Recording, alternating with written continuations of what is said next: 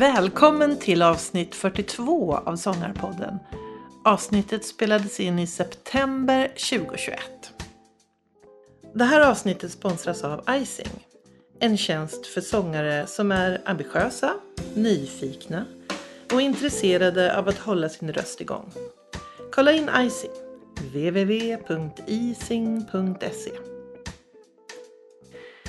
Oftast funkar tekniken men ibland gör den inte det. Och tyvärr så fick vi glapp i ena mixladden i den här intervjun och det ena ljudspåret gick inte att använda alls. Nu har vi verkligen försökt att jobba med ljudet och använder då alltså bara en av två mickar. Och vi tycker att det går bra att lyssna på men det är klart att ljudkvaliteten är inte lika bra som vanligt. Men Däremot kan vi säga varmt välkomna till ett riktigt härligt samtal. Vi väntar på Tina Alin.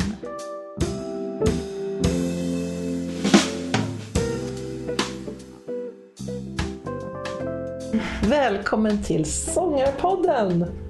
Nu är vi i din supermysiga stuga ute på Värmdö. Mm. Flygeln har du tryckt in här kan man säga. Mm. Det var ett garage en gång i tiden. Det här var ett gammalt garage när vi flyttade ut. Så det här var någon slags stengolv och så var det ett litet hängande tak och eh, eh ja, så ett, ett klassiskt garage mm. utan några fönster mm. och ganska mörkt och murrigt. Mm. Så det var en del slit och några Blocket-turnéer som mm. och jag mm. döpte dem till. Mm. Där vi gjorde släp och köpte dörrar och fönster mm. och så.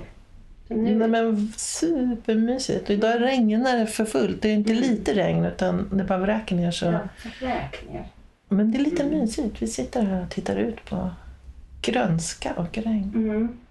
Man är liksom lite ambivalent till det här vädret. För å ena sidan är det ganska skönt och lite kontemplativt och lite, mm. lite skönt melankoliskt. Mm. Och sen samtidigt bara känns det så jävla trist. ja, precis. Väldigt äh, men jag, tycker, jag tycker vi väljer det här med mysfaktorn faktiskt. Mm. Vi, vi kör på den tycker jag. Mm. Det är mysigt med höst. Det är mysigt med mörker. Det är... Vi får mantra. Ja. ja. En sak som jag har tänkt på när det gäller dig, att du verkar så himla glad jämt. Är det så? Nej, det är jag verkligen inte. Jag tror inte det finns någon som är, är glad jämt. Och det har varit några ganska tunga år bakom oss och inte minst det här av flera olika skäl så har det varit ganska tungt halvår också för vi har förlorat en väldigt nära vän på skärgårdsturnén och så. Så det har varit ett ganska tungt halvår. Men jag har jag har nog alltid haft eh, nära för att skratta på något mm. vis. Och har väl liksom lyckan och turen att få ha sådana vänner, kollegor runt mig också. Mm. Som helt enkelt liksom gillar att skratta. Liksom. Mm. För det, någonstans får man det intrycket, det är mycket så här värme och sen är det mycket vänskap och glädje i, när man ser dig i olika sammanhang. Har jag tänkt på. Vad tänker man när man tänker på Tina Alin? Ja, värme och glädje. Ja, tack snälla. Jag tror att jag har, är nog ganska familjär av mig på det viset att jag tycker det är skönt att, att jobba och, och jobba med människor som är liksom goda vänner också som man har känt länge. Mm. Och likaså vänner också mycket samma vänner sedan, mm. sedan länge tillbaka. Mm. Så jag är nog ganska typisk kräfta tror jag på det viset. Okay. Mm. Det sägs att vi kräftor ska vara sådana. Mm. Eh, min man är kräfta och min, min, mamma är kräfta och vår son är kräfta också. Okej. Ja. ja. Men jag tror att det ligger lite kanske i den, i den naturen på något sätt. Mm mycket projekt. Och så tänker man så här, ja, man tittar, jag tittade lite på din webbsida. Otroligt många människor som ändå, som du har samarbetat med. Eh, Hasse Alfredsson. Mm. av och till under, ja vad kan det ha varit, nästan 15 år var det nog. Mm. Eh, fantastiska, fantastiska Mm. Sammanhang att få, få vara med i. Mm. Mm. Ja, men så tänker jag att det inte bara är den lilla familjen eller den lilla kretsen utan du är ju ute där och... Ja, ja jo då, men det är väl klart att ska man, ska man frilansa, vilket jag har gjort nu i 35 år, det är klart då, då, då övas och prövas man ju hela tiden efter Mm. inför nya sammanhang och nya möten och, och, eh, och så. Men jag, jag har nog samtidigt också ett ganska stort liksom, trygghetsbehov. Jag tycker om jag, jag tycker man är liksom man är sitt bästa jag när man är riktigt liksom, trygga Mm. tillsammans Mm. och så. Och det är klart i vissa samarbeten som, där det är helt nya, nya möten så kan man ganska snabbt bli trygga med varandra. Och i andra blir man det inte liksom, Mm. fast man jobbar intensivt ihop. Mm. Sådär. Eh, och Hasse var ju en så en sån, en av de personerna som så småningom när man, när man blev trygg tillsammans så var det underbart eh, att Mm. få vara i hans närhet. Mm. Otroligt roligt och lärorikt och lustfyllt. Mm. Och verkligen ett samarbete som har, kommer att prägla mig för resten av, Mm. av mitt liv. Liksom det förhållningssättet som han hade mycket. Som jag upplevde i alla fall. Mm. Mm. Jättekul att höra för att Mm. speciell person ju. Och, eh, jag tänker på dig, du har ju också blivit så här folkkär måste man ju ändå säga. Och via de här, eh, mycket via de här tv-programmen. Ja, ja, jag vet inte om jag är folkkär. Du vet, det, det, det är ju, allt går ju i faser beroende på Mm. hur, aktiv man, man är, syns i olika perioder i, i, i olika tv-projekt. För det kan ju vara liksom långa perioder där man inte jobbar någonting alls med någonting som har med tv att göra. Mm. Utan man kanske bara är ute och turnerar eller bara skriver eller, Mm. eller sådär. Och jag tror att det där går liksom väldigt mycket i, i, i vågor. Men sen är det klart några sammanhang som jag har varit i kanske folk liksom minns mera på, ett- Mm. på ett annat vis. Liksom. Jag jobbade i, i ett par år med, med God kväll till exempel och fick göra musikmöten en gång i veckan och då jobbade man ju väldigt kontinuerligt varje, varje vecka i många, många säsonger. Just det. Både där uppifrån Umeå men även härifrån stugan gjorde vi också några säsonger. Och det är klart när det, kom, när det är liksom någonting som sänds löpande. Ja, jag vet inte. Man kan bara spekulera. Det är inte så att jag går runt här Nej. hemma på dagarna när, när man går ut med hundarna. Wow, jädrans vad jag är folkkär. Inget man liksom, nej, Nej. inte på det viset. Men hur viktig är tv? Hur viktigt det är? Ja. Ja, jag vet inte riktigt. Alltså, det kan nog vara, vara både och. Alltså, det kan vara... Eh, jag tror att det kan, vara, det kan verkligen vara, vara både och. Det finns ju en, liksom en igenkänningsfaktor såklart eh, och någon, någon slags liksom kändisskap som kommer eh, om man har figurerat en del i, i TV. Men det kan också vara som jag vet, jag pratar med flera andra som har jobbat både som programledare och, och musiker att, att syns man mycket i, i TV också så är det inte alltid lika självklart att liksom gå tillbaka till musiker eller artistrollen heller. Så Ja. det kan vara liksom ja. vara, vara både och. sådär. Just det. För det har jag också tänkt, det här musiker, nu är det sångarpodden här. Ja, vet. Men jag noterar också på din webbsida att du skriver pianist före sångare. Det är väl så att jag började ju som, som eh, pianist och jag gick ju på Musikhögskolan på piano i första hand. Ja. Men sen har jag alltid tyckt det varit roligt att, att både skriva musik eller arrangera, Mm. sjunga och så sakteliga har liksom munspel och Just dragspel kommit in också. och jag har nog alltid tyckt att det varit ganska roligt att och, och jobba, jobba Just brett det. Just det. och så. Och, och det, det är ganska, ganska skönt att göra det ibland. För att ibland kan man liksom tröttna på sitt eget uttryck i någon form. Jag kan tröttna på hur jag spelar eller jag kan tröttna på hur jag sjunger. Jag bara tycker att jag inte överraskar mig själv. Och då kan det vara ganska skönt att liksom byta spår. Alltså nu Mm. gör jag det här en liten period och så Mm. plötsligt så börjar man tycka att det kan vara roligt igen. Mm. Och inte minst under ett sånt här eh, pandemiår så har ju det varit faktiskt extra bra att kunna ha tillgång till något annat när alla konserter ställdes in. Mm. Att kunna skriva ett arrangemang eller kunna sitta Mm. och spela in Mm. här i våra stugor. Då. Just det. För ni har varsin stuga här på tomten, du och din man. Ja, Ja, min man sitter En och bank bonk bonk Ja. där borta. jätte... Ja, så vi sitter här på behörigt avstånd. Ja, mysigt. Så mejlar vi varandra. Ska vi ta lunch? Och så ses vi två minuter sen. Vad kul. Ja. Ja. ja. Ja, för jag tänker, eh, det är ändå så att du gick Adolf Fredrik till exempel. Mm. Och då är det mycket sång och sådär. Mm. Men det var ändå pianot som var din huvudgrej. Så. Ja, men jag var, jag var också ganska blyg för att sjunga när jag var yngre.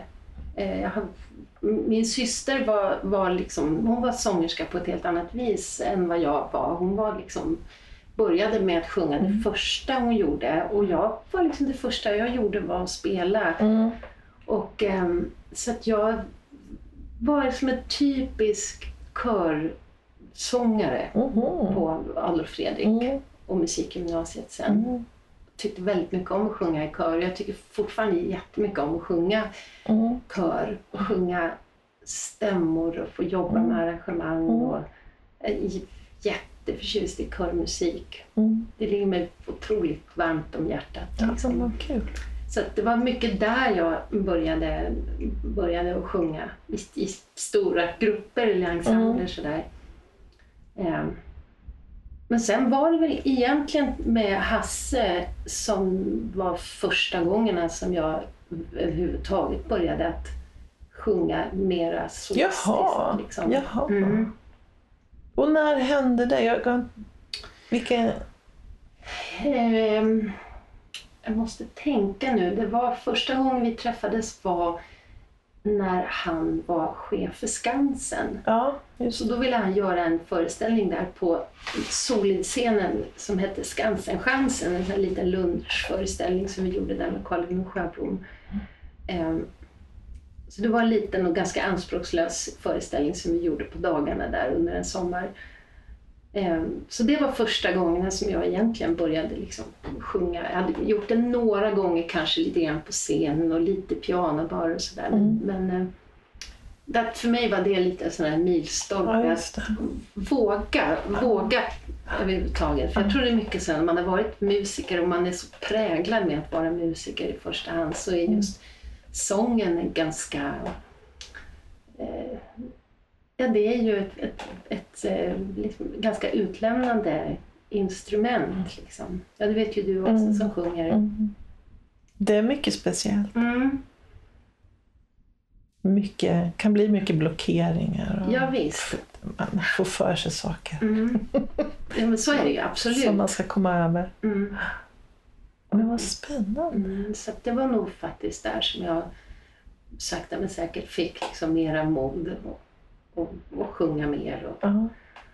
överhuvudtaget liksom Ja. få, kasta, få kasta sig ut och få pröva det. andra, Ja.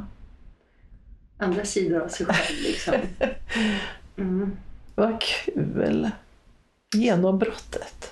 Jag vet inte om... Nej, men alltså, att man bryter igenom ändå att börja. Ja, det var ett genombrott Mm. för, mig, för, en, för Just sig det. själv. Ja, verkligen. Ja. att jag vågade börja, börja pröva saker och att det inte var så det var inte så himla farligt att liksom misslyckas. Nej. Och det är ju en viktig, verkligen en viktig lärdom liksom, Mm. man kan ha med sig hela livet. Det är Mm. verkligen inte farligt. Nej. Men man måste väl ha något litet, liten, um, en sorts miljö för att göra de där Mm. första stapplande stegen Mm. ändå, så det inte blir för jobbigt. Mm. Det var nog en ovanligt, ovanligt liksom lycklig kombination just det, det året när vi fick göra den här revyn på restaurangprinsen. M- var Hasse då och Peter Dalle och jag. För att vi lyfte liksom fram sidor hos varandra som, var, som blev väldigt, Ja. väldigt bra. För att, jag menar, Hasse kunde föreslå att eh, jag tycker vi ska göra en liten mini-opera. Eh, en liten operabuffa. Ingen av oss hade ju någonsin sjungit opera. Mm. Men så kunde vi ändå liksom kasta oss ut och få, liksom, få pröva de där sidorna hos, hos oss själva. Jättekul. Mm. Vilka underbara eh, artister att få vara med. Ja, visst. Och det var väldigt lekfullt på många sätt och vis. Och, och jag menar, det var så betydelsefullt de där första åren efter Musikhögskolan när, när man fått med sig all, all kunskap därifrån men som också var i allra högsta grad förknippat med ganska höga krav och ganska höga krav på sig själv. Och, Ja. Höga krav från, från omgivningen där också och ganska pressat. Så det är klart, då är den typen av liksom samarbeten Mm, verkligen så mm, lärorika på ett annat sätt. mm. Och jag hade några år också där jag jobbade nära Robert Broberg som Ja. också blev väldigt liksom, lustfyllt på det viset där, där jag själv kunde liksom kliva ur en, en hel del av liksom, de tankebanor och de tankesätt hur man, hur man eh, Ja, hur man helt enkelt ska jobba med musik. Ja. Ja, vilken inspirerande person. Mm. Och vilken fantastisk förmåga. Jag tittade också Ja. återigen på din webbsida. Så har du en video när han är med i ett program. Du spelar piano och han gör den här eh, roliga låten eh, jag, Jag älskar jag älskar dig ditt helvete. Ja, jag tänkte precis på den. Men det var också väldigt, väldigt lek, lekfullt och eh, nu ska jag inte framställa liksom vare sig Robert eller, eller Hasse som att det bara var lek och lustfyllt för de var ju, jobbade ju otroligt jobbade ju otroligt hårt båda två och var ju också samtidigt väldigt noggranna med allt. Just, Men det fanns hela tiden en, ett, liksom ett förhållningssätt till det där det var högt i tak som var mm, som, som var verkligen nyttigt och bra att ha med sig. Mm. Liksom. Att det får inte bli liksom för, det får inte bli för allvarstyngt eh, det man gör eller förknippat med för mycket press. Utan det måste liksom finnas någon eh, kärna kvar. Att, varför man gör det här, för att man Just det. älskar att hålla på med det. Ja. Är inte det ett litet dilemma när man har det som sitt yrke? Absolut. att liksom hålla kvar det. För vi amatörer vi har ju fördelen att vi gör det bara för att ha kul. Mm. Men när man också ska koppla ihop det till att det här är mitt jobb och jag ska tjäna mina pengar. Mm. Och ja, Mm. Nej men visst är det Mm. så. Men det är därför det är så extra viktigt att omge sig med, med människor som, Mm. som man trivs med och som man har roligt med när man håller på. Mm, Eh, För där, där, det finns ju verkligen eh, alla de sorter. Man har Mm. väldigt olika förhållningssätt till liksom, sitt instrument eller varför man håller på eller vad Mm. som är viktigt och sådär. det var ju spännande för jag pratade med en forskare om, som hade studerat eh, amatörer och professionella Ja. när man går in på en sånglektion hos en sångpedagog och mätt stressnivåerna före och efter. Mm. Och det var ju en jättestor skillnad för att amatören var bara uppfylld av må bra-hormoner och att det var lycko, lyckorus. Medan professionella sångare var, hade stresspåslag. För det man går in och gör det är att kolla instrumentet och checka av att det funkar och så. Det fanns ingen, inget av det här lustfyllda Mm. kvar. Och det är ju ganska sorgligt. Mm. Ja, det är verkligen Mm. sorgligt. Ja, för man börjar ju ändå, alla börjar väl ändå för Ja. att man tycker att det här är det roligaste man Mm. vet om. Så. Ja, men man, det, är, finns, det är många nötter att knäcka där. Vad som är förväntningarna på sig själv Mm. och vad som man, vilka förväntningar man tror att en potentiell publik har Mm. eller, potens, eller alltså kollegor. Alltså att man försöker titta på det där. Var, var kommer Mm. förväntningarna och det. kraven ifrån? Ja. Jag försöker nu, nu har jag, jag har hållit på i den här knasbranschen i 35 år. Så att det är, är det någonting jag verkligen försöker att unna mig så mycket jag kan nu så är det att ha aningen mer liksom lätt, lättsinnig liksom, syn på, Mm. på det man gör. Att det är liksom ha någon slags planetperspektiv. Liksom. Mm. Det, är inte på liv och död. Och Mm. blir det fel någon gång eller man sjunger surt någon gång spelar fel en gång så ja men Just det. vi är inte mer än människor. Liksom. Exakt. Innan vi började spela in här så Ja. pratade du om en god vän till dig och ni, som har, ni har ju jätteroligt tillsammans. Berätta. Du tänker på Louise? Ja. Ja, ja. Mm. Ja, men hon är en väldigt, väldigt kär, kär nära vän. Och eh, just nu har vi ett, ett väldigt roligt projekt där vi sjunger snapsvisor. Vi, vi åkte nämligen på eh, skärgårdsturnén första året jag startade upp den här turnén som var Louise med och då var ju verkligen skärgårdsturnén som ett riktigt pilot, pilotprojekt. Kamikazeprojekt, kanske, men du, du vet när man startar upp någonting och man inte har en aning om vad det ska bli. Eh, Men hon var modig nog att följa med och där satt vi på båten ute i skärgården och så började vi någon dag sjunga snapsvisor och, bara konstaterade att vi båda två hade det där med oss i våra bagage. Mm. Och sen sa vi att det här måste vi göra någonting mer av för att det är, det är så fruktansvärt roligt med snapsvisor. Och det finns så, det är ju en, det är en kulturskatt. Alltså, Vi har ju sjungit snapsvisor i 500 år tror jag i Sverige. Och det är bara i Sverige och i de svensktalande delarna av Finland som man, som man har den här tradi- traditionen att man sjunger till bords. Och, och att man också fortsätter att skapa nya sånger. Är det sant? Ja, det visste inte jag. Mm. Mhm. Så vi har ju suttit i jury några gånger för, på, på ja, väldigt roligt, ja, på Spritmuseet, både hon och jag, ovetandes om att vi- den andra hade gjort det. Men jag satt första gången jag satt, då var det Horace Engdahl jag satt i juryn där på Spritmuseet. Och vi satt även nu på Vin och sprithistoriska museet när, när, när det var SM då i snapsvisor i höstas. Eh, och det var ju så fantastiskt mycket bra, bra visor. Och eh, vi fyller på, vi fyller på och har gjort en hel föreställning med, med det här nu som heter The Snaps Experience. En musikalisk berusning. Som är två Jag älskar den, musikalisk berusning. Ja. Det är så fint. Mm.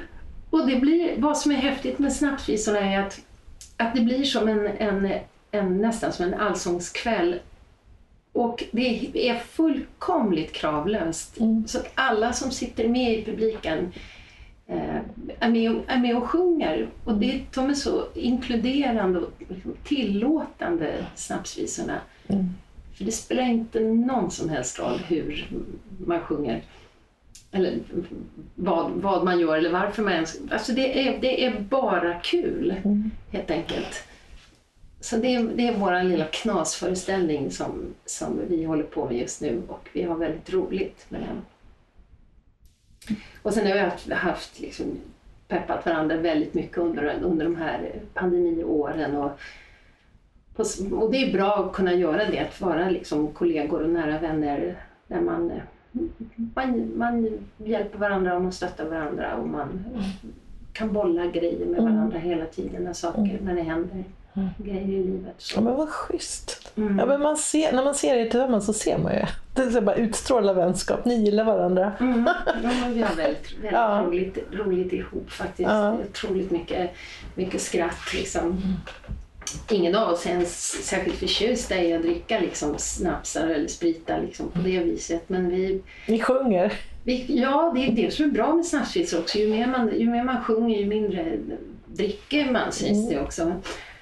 Eh, Men vi blir väldigt, faktiskt väldigt fnissiga ihop varje gång. Nästan så att misstänker att en del tror att vi har druckit fast vi inte har. Just det. För att vi kan Behövs liksom, inget. Just det. Att vi blir väldigt fnittriga. Den här mm. skärgårdsturnén Mm. har du... Jag tittade faktiskt på ett program nu på tv som var ju jättefint. När ni inte kunde göra den och då hade åkt ut och satt, Mm. satt er på, på båten och så var det folk med småbåtar som fick åka ut och Ja. ligga på rädd liksom utanför er. Mm. ja, det var ju förra våren då när, när allt ställdes in. Just det. Löpande band. Det höll Ja. på i några veckors tid. Liksom alla mejl var bara att det här ställs in, ställs in. Så på, på ett bräde var liksom hela året helt tomt Ja. för både mig och min man. Då. Och min man, stackaren, han var ju på en helt fantastisk turné i USA med Devin Townsend och skulle ju då resa runt hela USA. Den här turnén han verkligen hade sett fram emot i sex Oj. veckor. Ja. Ja. Och de hann ju bara spela i två veckor och sen slog pandemin till. Så han hann ju med nå- något av de sista planen hem från Dallas. Oj. Och sen satt vi här i köket och bara konstaterade att ja, nu är Mm. Tutti Frutti borta hela det här året. Mm. Så då försökte vi ju börja tänka till. Liksom, vad, kan vi, vad kan vi göra istället? Så bland annat så la vi ut ganska mycket krokar. Att vi kunde skriva, vi kunde spela in här i studiosarna. Vi hade en hel del elever och så. Men sen var ju då skärgårdsturnén, det kändes ju så otroligt trist att ställa in då för att det var ju femårsjubileum och vi hade verkligen tänkt att vi skulle liksom slå på lite extra stort och den sommaren. Så jag em, kom på att vi kanske skulle kunna göra en konsert ifrån skeppet och sen spela då för en båtpublik liksom på behöriga... Mm. Jag tänkte om båtarna sitter på lite behöriga avstånd från varandra så borde det ju verkligen vara Mm. coronasäkert. Ja. Eh, och, eh, så jag undersökte allt det där, vart man nu kunde ringa. Det var ju alla möjliga man fick ringa och fråga. Mm. Länsstyrelsen och jag kommer inte ihåg alla möjliga knasiga samtal jag hade. För det här, pandemin var ju fortfarande det var så nytt Just, då också. ja. Och, eh, men det enda vi fick veta var bara att, att bara vi inte samlar publik på land, att inte ljudet läcker in liksom till lands så Ah. skulle vi då kunna få tillstånd. Så att vi hade då tillstånd från polismyndigheter och vi hade kontakt med sjöräddningen och räddningstjänsten och brandmyndigheter och, och sådär så att allt det praktiska var i, igång. Mm. Och sen, är ju, sen eh, återstod ju det där att det kostar ju ganska mycket att göra en sån konsert. Mm. Bara att boka liksom Briggen som ett Mm. stort fartyg med, med viss besättning då. Och sen ljud och ljus och artister och allt sådär. Så att vi sökte en del stöd Mm. fick det så att vi kunde göra den här enda konserten. Då. Och det var ju ett, ett helt eh, sjövilt projekt på, på många sätt och vis. Jag var verkligen nära att kasta in handduken några gånger för att det var så det var så svårt och liksom praktiskt hur man skulle få till allting för att vi fick ju inte ligga för nära land, skeppet, så att det skulle bli folksamlingar på land. För då, hade, då visste vi att det hade nämligen hänt lite andra båtkonserter Okej. på västkusten polisen kunde gå in och, och bryta av det hela. Så att vi blev tvungna, visste jag, att ligga en bit ut från land och där visste man ju då inte om småbåtarna verkligen skulle kunna ankra. Så jag satt och lu- lusläste sjökorten här hemma för att se, går, kan båtarna ankra? Och, Just. och hur kommer ljud att läcka in på land Åh. och så vidare. Och så stod man inför vädrets makter och allt sånt där. Men när, när vi till slut bara tänkte att nu, vi kan inte göra mer än, än att för, vara så förberedda vi bara kan. Ja. Och sen får vi bara hoppas att det här löser sig och, och att det funkar. Ja. Och alla var väldigt positiva, alla musiker och artister och hela filmteamet som var med. Det var ju ingen som hade gjort något liknande. Så alla var ju verkligen eh, så entusiastiska. Mm. Och plus att det var väl i stort sett nästan det enda vi kunde göra den sommaren. Så det, bara det gjorde ju att man Just blev väldigt rörd av hela Ja.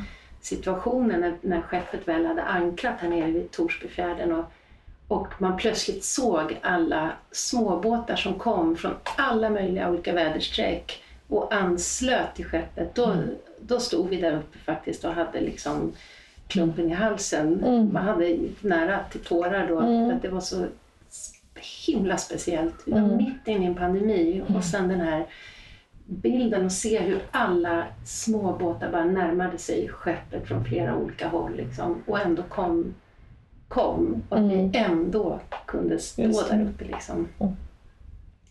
Så det var ju ett minne för livet ja, faktiskt Mm. att få göra det. Men, eh, men sen så var den, den dagen vi skulle, vi hade egentligen bokat två dagar. En dag för att vi skulle kunna ankra och, och lägga till ordentligt och få upp hela scenen och ljud och ljus och bildrepa med alla Mm. filmare. Och nästa dag skulle vi i lugn och ro filma hela konserten. Men då nästa dag, vi hade ju tät kontakt med SVTs meteorologer och de sa att det, det blir inget bra väder. Okej, så vi får göra allt på en dag. Jajamensan, ni får göra allt på en dag för att det här ska funka liksom. Ah. Och, ja, så vi gjorde allt på en dag. Det blev en lång dag och sen dagen efter så var det nog sommarens värsta skyfall. så att, det, var hela, det var hinkar av allt. Ah.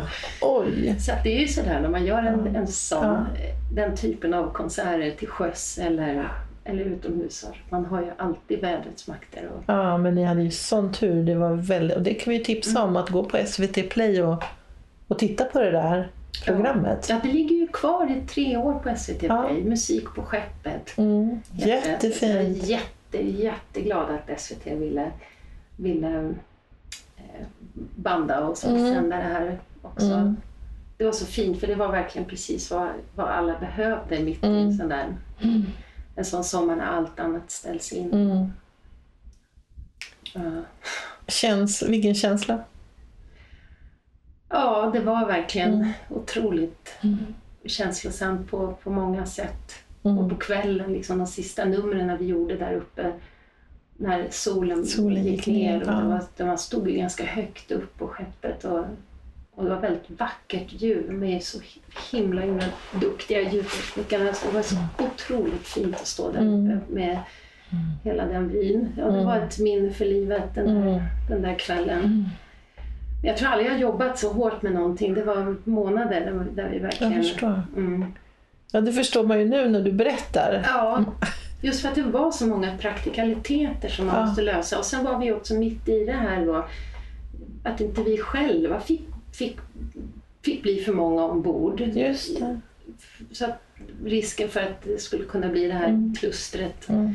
och så. Så att det var så många parametrar man, man behövde ta hänsyn till. Briggen kunde inte ha full besättning då på grund av pandemin. Så att det var också att hitta en plats där Briggen kunde gå med mindre besättning och, Mm. och sen sitta med den här listan. Vilka får man liksom, vilka måste vara med? Och, Mm. ja, vi kan inte ha en sminkös ombord, vi blir för många. Mm. Klarar vi att sminka oss själva? Jo, Mm. Sådär. Oj, Ja. sånt där. Ja, det var så mycket att tänka, tänka, tänka på faktiskt. Men, Men det gick ju jättebra. Det var ju inget som man tänkte på när man tittade Nej, på det- programmet. Oj, de Ja. var... ja, de det var- gick ju. Men det, jag, det gick allting. Och det, Ja. Men jag kommer ihåg när jag stod där uppe, mitt någonstans, när jag kom halvvägs i, i konserten, då såg jag eh, en polisbåt som kom. Och jag tänkte, för då hade jag haft tät kontakt med våra tekniker också och frågat hur leder ljud in mot land? Mm. Om vi, är vi tillräckligt långt ut nu? För det får ju inte hamna Mm. folk på kajen. Och, och det beror ju på hur vindarna går och så vidare. Mm. Men jag, och jag stod hela tiden och tittade mot kajen. Nej, men det är ju ingen folk där så det här borde vi ju kunna fortsätta med. Och sen kom polisbåtarna och samtidigt så stod man upp på scenen och mitt i någon låt. Och fokus på att vi ska spela och sen samtidigt ha ett getöga på vart ska polisbåten åka någonstans. Ja, de snurrar runt där och där åkte de iväg. Vad skönt. Åh, vad skönt. Och sjöräddningen kom också Mm. och snurrade runt lite. Sen la de ankare och liksom lyssnade på konserten. Så- Mm. Så det var lite pjo i serien Mm. knasiga projekt. Men som man ändå är väldigt glad för. För det hela det här, det, det vill man ju höra om hur du... För du började ju... Det här var ju speciell konsert under pandemin, men Mm. Hela eh, skärgårdsturnén, det har ju du kört några år. Och då är det, är det samma båt som ni åker med? Ja, nu, nu har vi ett samarbete med Briggen Just. Kronor. Eh, första två åren så åkte vi tillsammans med Olle Näckman som, som är kapten, som är, är, sitter i veteranbåtsföreningen som hade en jättefin träbåt som heter Maria. Och eh, han var vår kapten de första två åren. Mm. Och då sov vi inte på båten för det var en mycket mindre båt. Mm. Men det var en, eh, fantastisk eh, kapten att få åka med de, de första, första två åren. För det går ut på att ni åker i skärgården till olika scener Mm. som finns ute i skärgården. Så det blir någon sorts turné mellan öarna. Ja, Ja. jag hade precis åkt en, en turné i, i Värmland som hette Packmopedsturnén. Som också är en sån här turné där man tar sig själv från plats Mm. till plats. Fast där hade vi allihopa packmopeder då, eller mindre mopeder. Mm. Och, och eh, det, den turnén har ju funnits i ja, 20-25 år. Göran Samuelsson som driver den turnén och det var jätte, jätteroligt. I flera veckor var vi ute och åkte och åkte och åkte. Och sen när jag kom hem efter den turnén så tänkte jag att undrar om det går att göra något liknande här ute i skärgården där vi tar oss från, från plats till plats med båtar och sen att vi försöker att hitta platser ute i skärgården där det kanske inte har varit musik förut. Just det här att upptäcka lite nya miljöer. Och, Mm. och det är också det när man bor ute i skärgården och, och eh, så förstår man ju också att skärgården behöver så många, många eh, injektioner för att fortsätta vara en levande skärgård. Mm. Och det är klart, sommaren lever ju skärgården upp och det här är ju i första hand en sommarturné. Så egentligen skulle ju skärgården behöva en, en turné i vinterskrud också, vilket Mm. vi har pratat om några gånger att vi, vi kanske skulle göra. Men då kan vi ju inte ta oss fram med egen båt, men det återstår att se. Men, Mm. men det här i alla fall varit, tanken var att att inte åka till platser där det brukar vara konserter utan hitta riktigt, riktigt vackra miljöer ute i, skärgården och att publiken får komma dit. Mm. Så att man både som publik och även som medverkande musiker får möjlighet att upptäcka skärgården. För det, det finns otroligt mycket skön, skönhet där ute. Ja. Verkligen, verkligen ett världsarv skulle man Mm. kunna säga.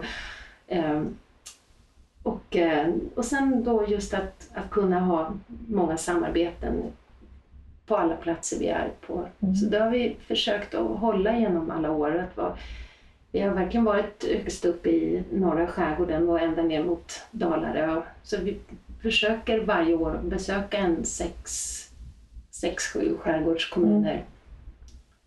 Och samarbetar man med, med alla möjliga. Det är lokala eh, entreprenörer och närodlare och Mm. krogar och hembygdsgårdar och hembygdsföreningar och konsthantverkare. Och, och sen har vi haft med oss eh, Världsnaturfonden, har också varit med och har varit med en hel turné med en egen liten separat utställning. Och, så vi försöker att involvera Östersjöengagemanget Mm. på turnén Mm. som, som vi har bestämt att vi ska försöka jobba med parallellt. Så vi har tryckt upp Östersjö t-shirts med Östersjötips som vi har fått från Naturskyddsföreningen och Världsnaturfonden. Och, Mm. och vi delar ut ett skärgårdspris alltid varje sista konsert på turnén till någon eller några som har gjort någonting, någonting bra för skärgården. Just det. För antingen naturmiljön eller kulturmiljön. Ja. Det är ju ett jättestort projekt. Ja, alltså det, det är ju egentligen bara en vecka varje sommar. Vi gör ju någonstans där sju, åtta konserter. Mm. Men det är mycket ambition. det är mycket, ambi- vi Mm. försöker att ha det. Vi är Mm. några, några kompisar som jobbar med, Ja. det, med det här. Och, det. eh, och det, hittills har det, lär vi oss för varje år som går så lär man sig av sina misstag också hur man Mm. ska tänka inför alla situationer som Mm. kan uppstå. och Sådär. Men hittills så, har det, hittills så har det gått ändå över förväntan. Det svåra är ju liksom att nå ut. Att vi började de första åren att verkligen åka ut till öar också för att man ville liksom verkligen få ut och det var ju förknippat med ganska mycket jobb att bygga upp en scen ute på en, på en ö och transportera scen och sådär. Så att mm, vi lär oss hela tiden hur, hur Mm. vi ska nå ut. Och, Mm. men nu, nu har vi varit lite stukade här i turnén därför att eh, vår älskade projektledare Lars-Göran Palmer, det var, kallades LG, han och jag var de som jobbade närmast i det här. Han, och jag, han eh, avled nu i maj Mm. Och fick... Ja, Vad tråkigt. Mm. Så han var väldigt, väldigt sjuk under våren och kämpade, kämpade otroligt hårt. Men, eh, och vi hoppades ju att, att, det här, att det skulle gå bra. Mm. Eh, och vi var väldigt, väldigt nära varandra, Morgan och Elge och jag. Men det, ja, vi förlorade honom Mm. i maj. Mm.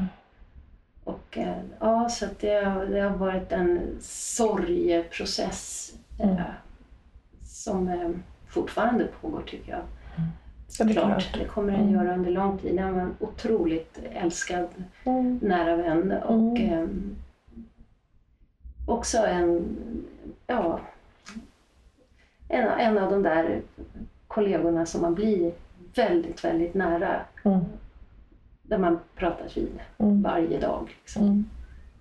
Så att det blev ett ofattbart tom, tom, Ja. tomt efter Mm. honom. Men eh, ja, men vi ska försöka ta lite nya tag och nu ikväll så ska vi ha eh, möte igen, vi som är kvar. Men vi är lite stukade vårt Mm. gäng. Men, eh, men jag tror att han hade velat att vi skulle fortsätta Ja, med det som vi ändå har just det. byggt upp. Liksom. Mm. Ja, det är klart. Mm. Men vi siktar på att vi ska åka i sommar igen. Och, eh, ehm, så att jag tror att det blir så. Ja. Och nu verkar det ju som att det, igår släppte de upp alla restriktioner Mm. igen. Just. Men det jag tycker har varit, vi hade, vi hade den här första våren som, eh, eh, som när pandemin slog till och allt försvann. Min bästis eh, Gabby, Gabriella Lambert Olsson som är operasångerska, hon och jag, vi, vi sa någon dag så här, men vad, vad kan vi göra istället? Och, och så sa vi det, ja men man kan ju faktiskt spela för balkonger, människor som sitter på balkonger Mm. utomhus. Då sitter man ju också en publik på avstånd. Mm. Så att vi skrev till väldigt många äldreboenden i Stockholm och sa att vi, vi kan komma, vi gör ju helt, det är tomt i kalendern vi kan Mm. komma och göra balkongkonserter, döpte vi det till. Mm. Och fick väldigt mycket svar så att vi åkte under förra våren och sommaren och spelade för jättemånga äldreboenden i Stockholm. Vad fint. Och spelade just balkongkonserter. Mm. Och det är, ja, det är verkligen, eh, vi kände det båda två, vi blev verkligen tagna av de här, av de här stunderna. Mm. För det var så många av de äldre som hade det så fruktansvärt tufft och som fick vara så isolerade. Mm. Och, eh, och att få åka och, och spela en, en timme och få liksom försöka bringa lite liksom ljus och glädje mitt i en ganska mörk tid. Det var så otroligt värdefullt. Och det, Mm. var, det var så värdefullt för oss också. Mm. Jag har aldrig känt att musik har Mm. känts så himla meningsfullt, på Mm. riktigt liksom det. meningsfullt. Mm. Jag har ju alltid tyckt om det här lite anspråkslösa också. Mm. Att få kunna spela i, i en trädgård Mm. för 30 personer Mm. jämfört med att, stå på någon liksom, konsertscen där det är parkettrader så långt bak att man knappt kan se det. Så jag, det har... Det finns något Mm. Underbart avslappnat också med att vara i det lilla, Mm, ja, men absolut. formatet. Liksom. Mycket mysigt. Ja, ja, verkligen. Jag såg också att du har gjort eh, barnvisbok. Mm. En, en, en, em, eh, en musikbok kan man väl säga att det är som heter Svenska barnvisor där jag har spelat in eh, piano och munspel i en liten modul Mm. som ligger i boken. Mhm. En liten ljudmodul. Så att eh, jag sjunger inte alls utan meningen är att man ska öppna den här och så ska man sjunga själv. Ja, Ja. jaha. Så ja, den, den gjorde jag för några år sedan. Mm. spelade in då alla möjliga olika Ja. barnvisor, både traditionella lång, som Alice Tegnér och Mm. liknande, men även en del nyskrivna. Mm. Och, eh, Vad kul! Mm. Och lite Povel Ramels barnvisor och Hasse Alfredsson. Och, Mm. ja. Mm. Ja, det, det var ett, ett roligt, och, ja, roligt projekt att få, få jobba med Mm. faktiskt. Hur kom du på det? Alltså det jag fick, det var inte jag som kom på eh, idén utan det var ett, eh, ett förlag som hade gjort eh, en liknande modulbok eh, fast med fågelljud. Mm. Mm. Som, som ville göra då Mm. en barn, barnviseversion. Så det tyckte jag var kul. Det är- roligt att Mm. att liksom få djupdyka i någonting och förkovra sig. Liksom. Jag, jag plöjde igenom väldigt, väldigt mycket barnmusik och litteratur under, under det året jag höll på med boken Mm. och eh, kunde se att det var många av de här barnvisorna som har tryckts i, i väldigt många olika versioner och det var liksom texter som har förändrats på vägens gång och melodi som har förändrats på Mm. vägens gång och ackord och sådär. Så att jag försökte gå tillbaka till källan och Mm. försöka vara så trogen originalet Just som det. möjligt. Och, och jag läste några avhandlingar också med barns röster och omfång och hur, hur eh, vårt omfång förändras med årens, med årens gång beroende på hur gammal man är. sådär. Mm. Så att då försökte jag spela in visorna därefter också för att det skulle Ja, för att det skulle Passa. passa. Jag tänkte det här kanske en, ett lite yngre barn sjunger och det här kanske ett lite äldre barn sjunger. Ehm, tyvärr ville förlaget att allting skulle vara lite anpassat efter, efter föräldrarna också som var med. Så att en del grejer fick jag spela in, spela in på nytt. Sådär, så att det blev en del tonarter är inte liksom de, de allra bästa Det är ju kanske. det som är problemet. Ja, Att man har, Mm. man får, att barnen inte får sjunga i den tonart som passar dem. Passar dem, ja, jag vet. Jag- Men nu var det så. De hade liksom det beslutet. Så det, det är klart, det, så som jag hade gjort från början när jag spelade in, då var jag, tyckte jag själv att jag var så jättenoggrann med det här. Mm. Det kände jag, så, åh, det här är precis så som jag, jag hade hoppats och önskat. Mm. Men sen fick vi nu spela in en hel del på nytt igen. Mm. Och så. Men, eh, men jag, jag är annars väldigt stolt över den här boken och jag tycker det är, det är, en, det är ju en skatt, den där Mm. Mm. Och eh, jag får ju flera år sedan jag släppte den här boken men får fortfarande liksom, titt Mm. som tätt så kommer det reaktioner just, Just från, det. från föräldrar. Att, bara att det här kunna sitta en stund Mm. tillsammans i, liksom, Mm. en soffa och kunna, det kunna sjunga ihop. Mm. Det är värdefullt faktiskt. Särskilt tror jag i dessa liksom, skärmtider. Ja, När, för det är liksom, vi och våra skärmar, där blir vi väldigt individualistiska. Vi Ja. förhåller oss bara ensam. Man är alltid ensam med en skärm Mm. hela tiden. mm. Eh, sol, helt solokvistad liksom. Mm. Och jag tror just det här att eh, sitta tillsammans en stund, överhuvudtaget göra saker. Mm. Mm. Hörru, vad har du för projekt nu då? Jag sitter Jag- vid datorer och flygel och Ja. keyboard. Och...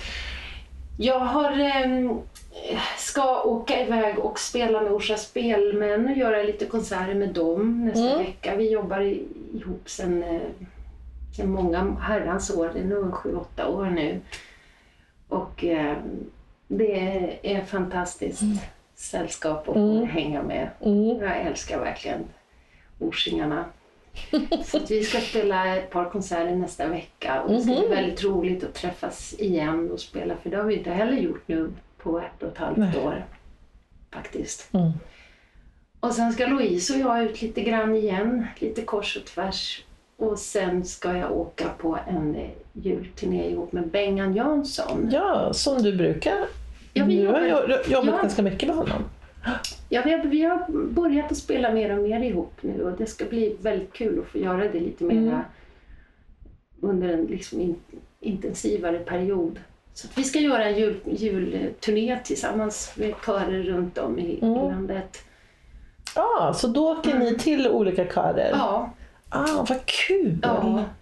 Så att jag har just nu ganska tät kontakt med olika körledare Mm. runt om i landet och de bollar alla möjliga olika arrangemang. Och det är både blandade körer och det är manskör och, och eh, diskantkörer också, någon diskantkör.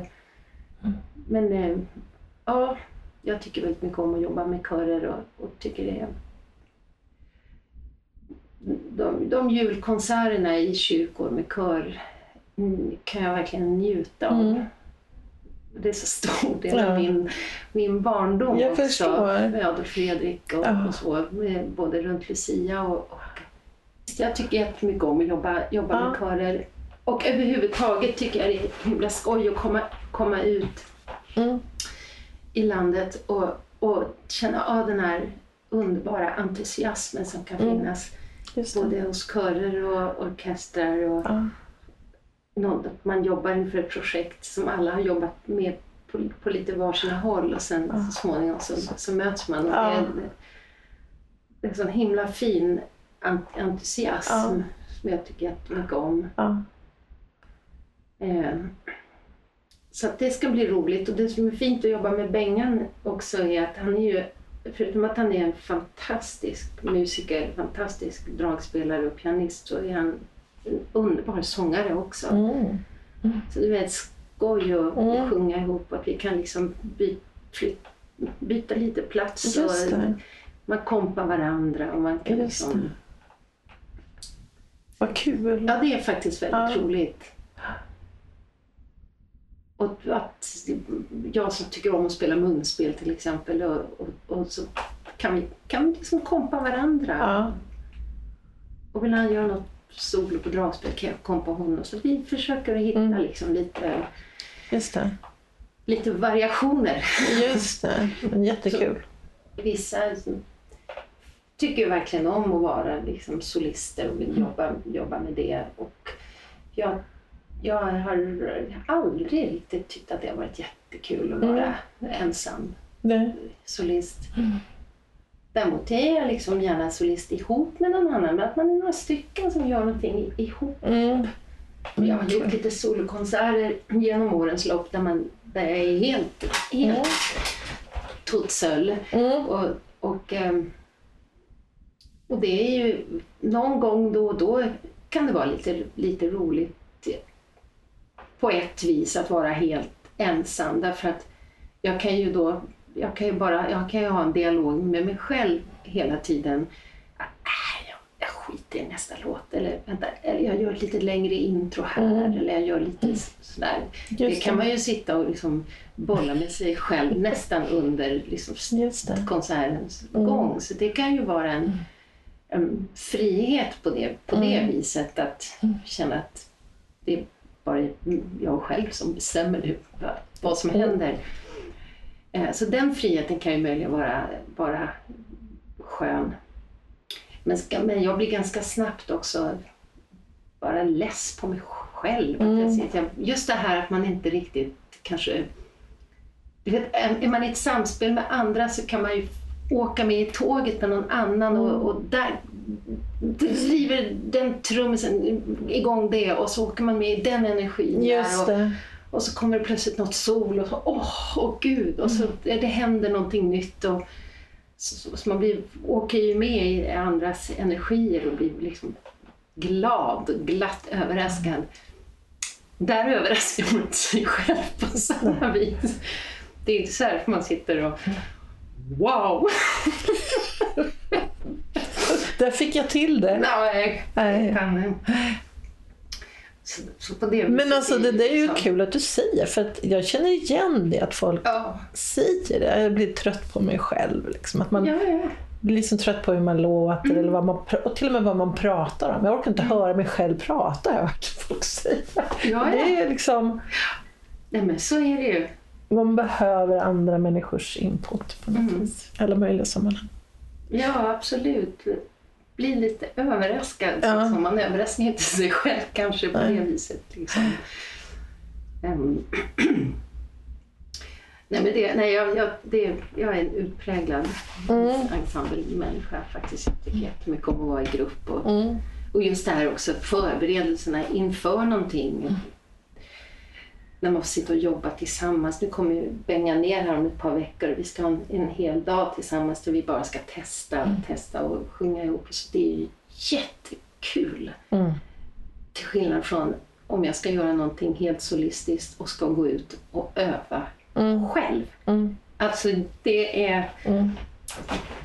Man skulle liksom smygfilma hur man bär sig åt här i stugan ibland. För man går ut och sätter sig vid flygeln och så sitter man några korta minuter och sen börjar man plocka med något och man börjar sortera lite och så spelar man lite till och sen så ringer man samtal och spelar lite till och ja, Mm. trädgården är livsfarlig också. Man går gärna ut och liksom börjar pilla där istället. Mm. Allt för att inte öva. Jag som tänkte fråga lite så här, Ja. jag brukar fråga om så här tips om hur du tränar din röst och sådär men då Mm. inte riktigt. Då behöver du någon annan som kommer och livar upp. Ja, ja, jag skulle nog säga det. Jag, jag var nog mer ambitiös förr, förr om åren Mm. faktiskt. Men sen är det klart, är det, är det knivskarpt läge och man vet att nu ska jag göra det här i det här sammanhanget där och där jag, nu, nu, jag kan inte riktigt det här, det här är någon helt, något helt nytt för mig. Så då, då kan jag nog sparka mig själv ganska rejält tillbaka. Att nu, plats i korgen, nu sätter Mm, det här. det. Liksom. Och så. Så det här är väl mer än när man har hamnat i, du vet, man ska göra någon solokonsert. Där Mm. är, åh, jag går i cirklar och hittar på tusen orsaker.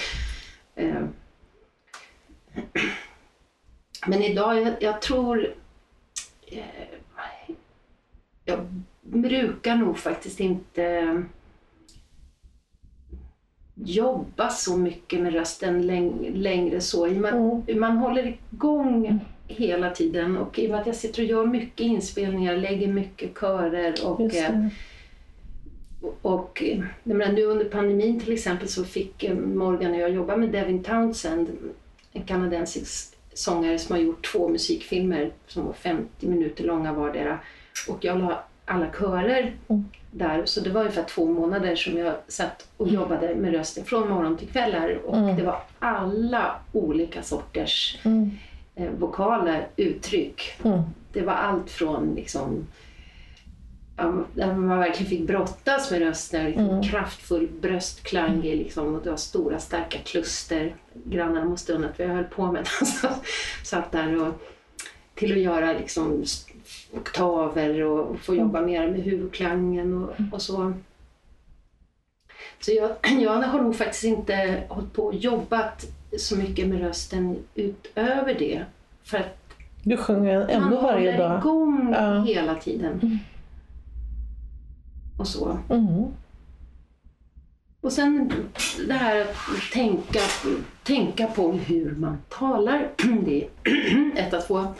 Det är ju någonting man eh, också får påminna sig om lite grann Mm. hela tiden. Hur man, hur man använder sin röst. Mm. Viska eller harkla sig eller hosta. Och så. Jag jobbade som programledare under ett år på P2 i- på Sveriges Radio och då fick vi ju jobba lite grann också med en logoped. Hur Mm. man skulle tala, Ja. hur man jobbade med mikrofontekniken. Mm. Hur man lockar lyssnare, tala och sådär. Så då fick jag jobba lite grann med rösten på ett annat sätt som jag Mm. inte hade gjort innan. Då. Men det tycker jag, det, det märker man om det går någon vecka eller två som nu i somras till exempel när jag bara verkligen tog en, en riktig time-out efter att våran kära älskade vän gick bort så du vet, då låste jag den här dörren till stugan och kände att nu, nu tar Mm. jag paus. Så att jag tror inte att jag sjöng eller knappt spelade någonting på fyra, fem veckor. Mm. Hon har aldrig tagit ett så långt Nej. uppehåll alls.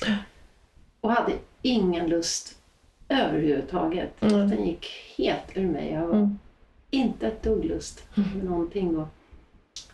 Ehm, och då vet jag att det var någon dag nu i augusti när jag kom ut och skulle börja jobba med, med någonting, någon inspelning här i stugan.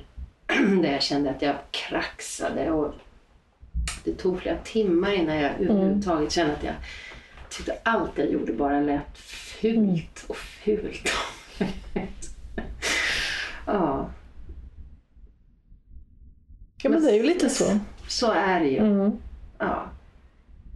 Och man får försöka inte bli liksom nedslagen av hur, hur det är ibland. Vi är inte, vi är inte mer än människor. Mm. Liksom. Och så. Ja men det är ju så. Mm. Tåla och vara lite snäll mot sig själv. Ja. När det inte låter bra. mm. Jag tror det är Mm. eh, jätteviktigt. Apropå det där vi pratade om att det är lite känsligt här med Mm. rösten och så. så ja, men Mm. det är ju väldigt lätt att backa och bli förskräckt liksom, när Mm. det inte låter bra.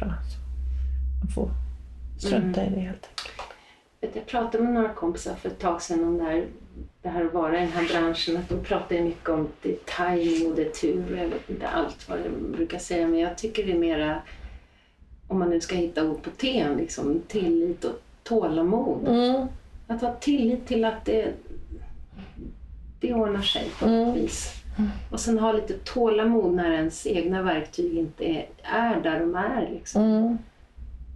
Så är det ju för oss alla, allihopa. Mm. Ibland funkar inte verktygen bara. Mm. Ibland kraxar rösten eller fingrarna darrar eller knäna, fötter, vad som helst. Mm. Liksom.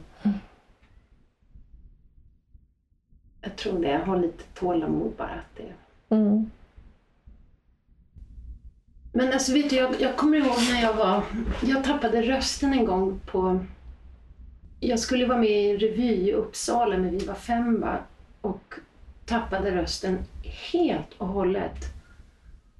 Och då gick jag till han Ullén, tror jag han hette, den här legendariska Mm. röstläkaren på Sofiahemmet. Men det var många som sa det, det är han, han, han ska man gå Mm. till. Och, och så tittade han ner i halsen och så sa han, ja jag ser stämman den sluter inte. Och, och, men det här, du kan, du kan inte göra någonting, det finns inte någon mirakelmedicin eller, Mm. vitam, eller alltså penicillin eller någonting här. Däremot har jag upptäckt eh, som i min yrkesroll som läkare, och det jag glömmer aldrig det han sa, att extra stark E-vitamin, sa han, och Q10, båda de här Mhm. två, extra stark E-vitamin och Q10, Mm. eh, jobbar med cellbildningen, förstärker liksom Ja. på något vis. Jag är inte läkare så jag Mm. kan inte alls, men på något vis förstärker cellbildningen för Mm. nya celler. Det är klart, alltså, man behöver ju öva mycket som musiker. Eller på, jag menar, I allt vi håller på med är det klart att, man, att det är viktigt att man håller igång och, och övar. De genrer som jag jobbar med så finns det ju också ett, finns ju också ett utrymme för att rösten... eh, Det finns en takhöjd och ett utrymme för att rösten kan vara trött till exempel. Någon dag. Det kan ge ett, ett annat skimmer, om man Ja, vill säga, vända det till något positivt. Mm. Man orkar inte alltid slå knut på sig själv heller. Utan det, ibland tänker jag att det får räcka med good enough. Ja men precis. Och det gör det verkligen. Mm. Skulle ni. Tack så mycket för att vi fick komma hit till din stuga. Tack för att du ville komma hit hela vägen.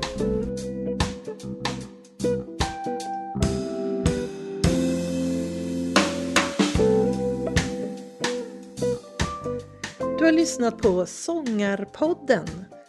Vill du ha mer information eller få länkar till artister med mera så gå då till vår egen webbplats www.sangarpodden.se du som är sångare och tycker att det är svårt att hålla igång din sångröst. Kolla in Icing, din sångtränare på nätet. Gå in på www.icing.se ising.se så får du veta mera. Vi hörs!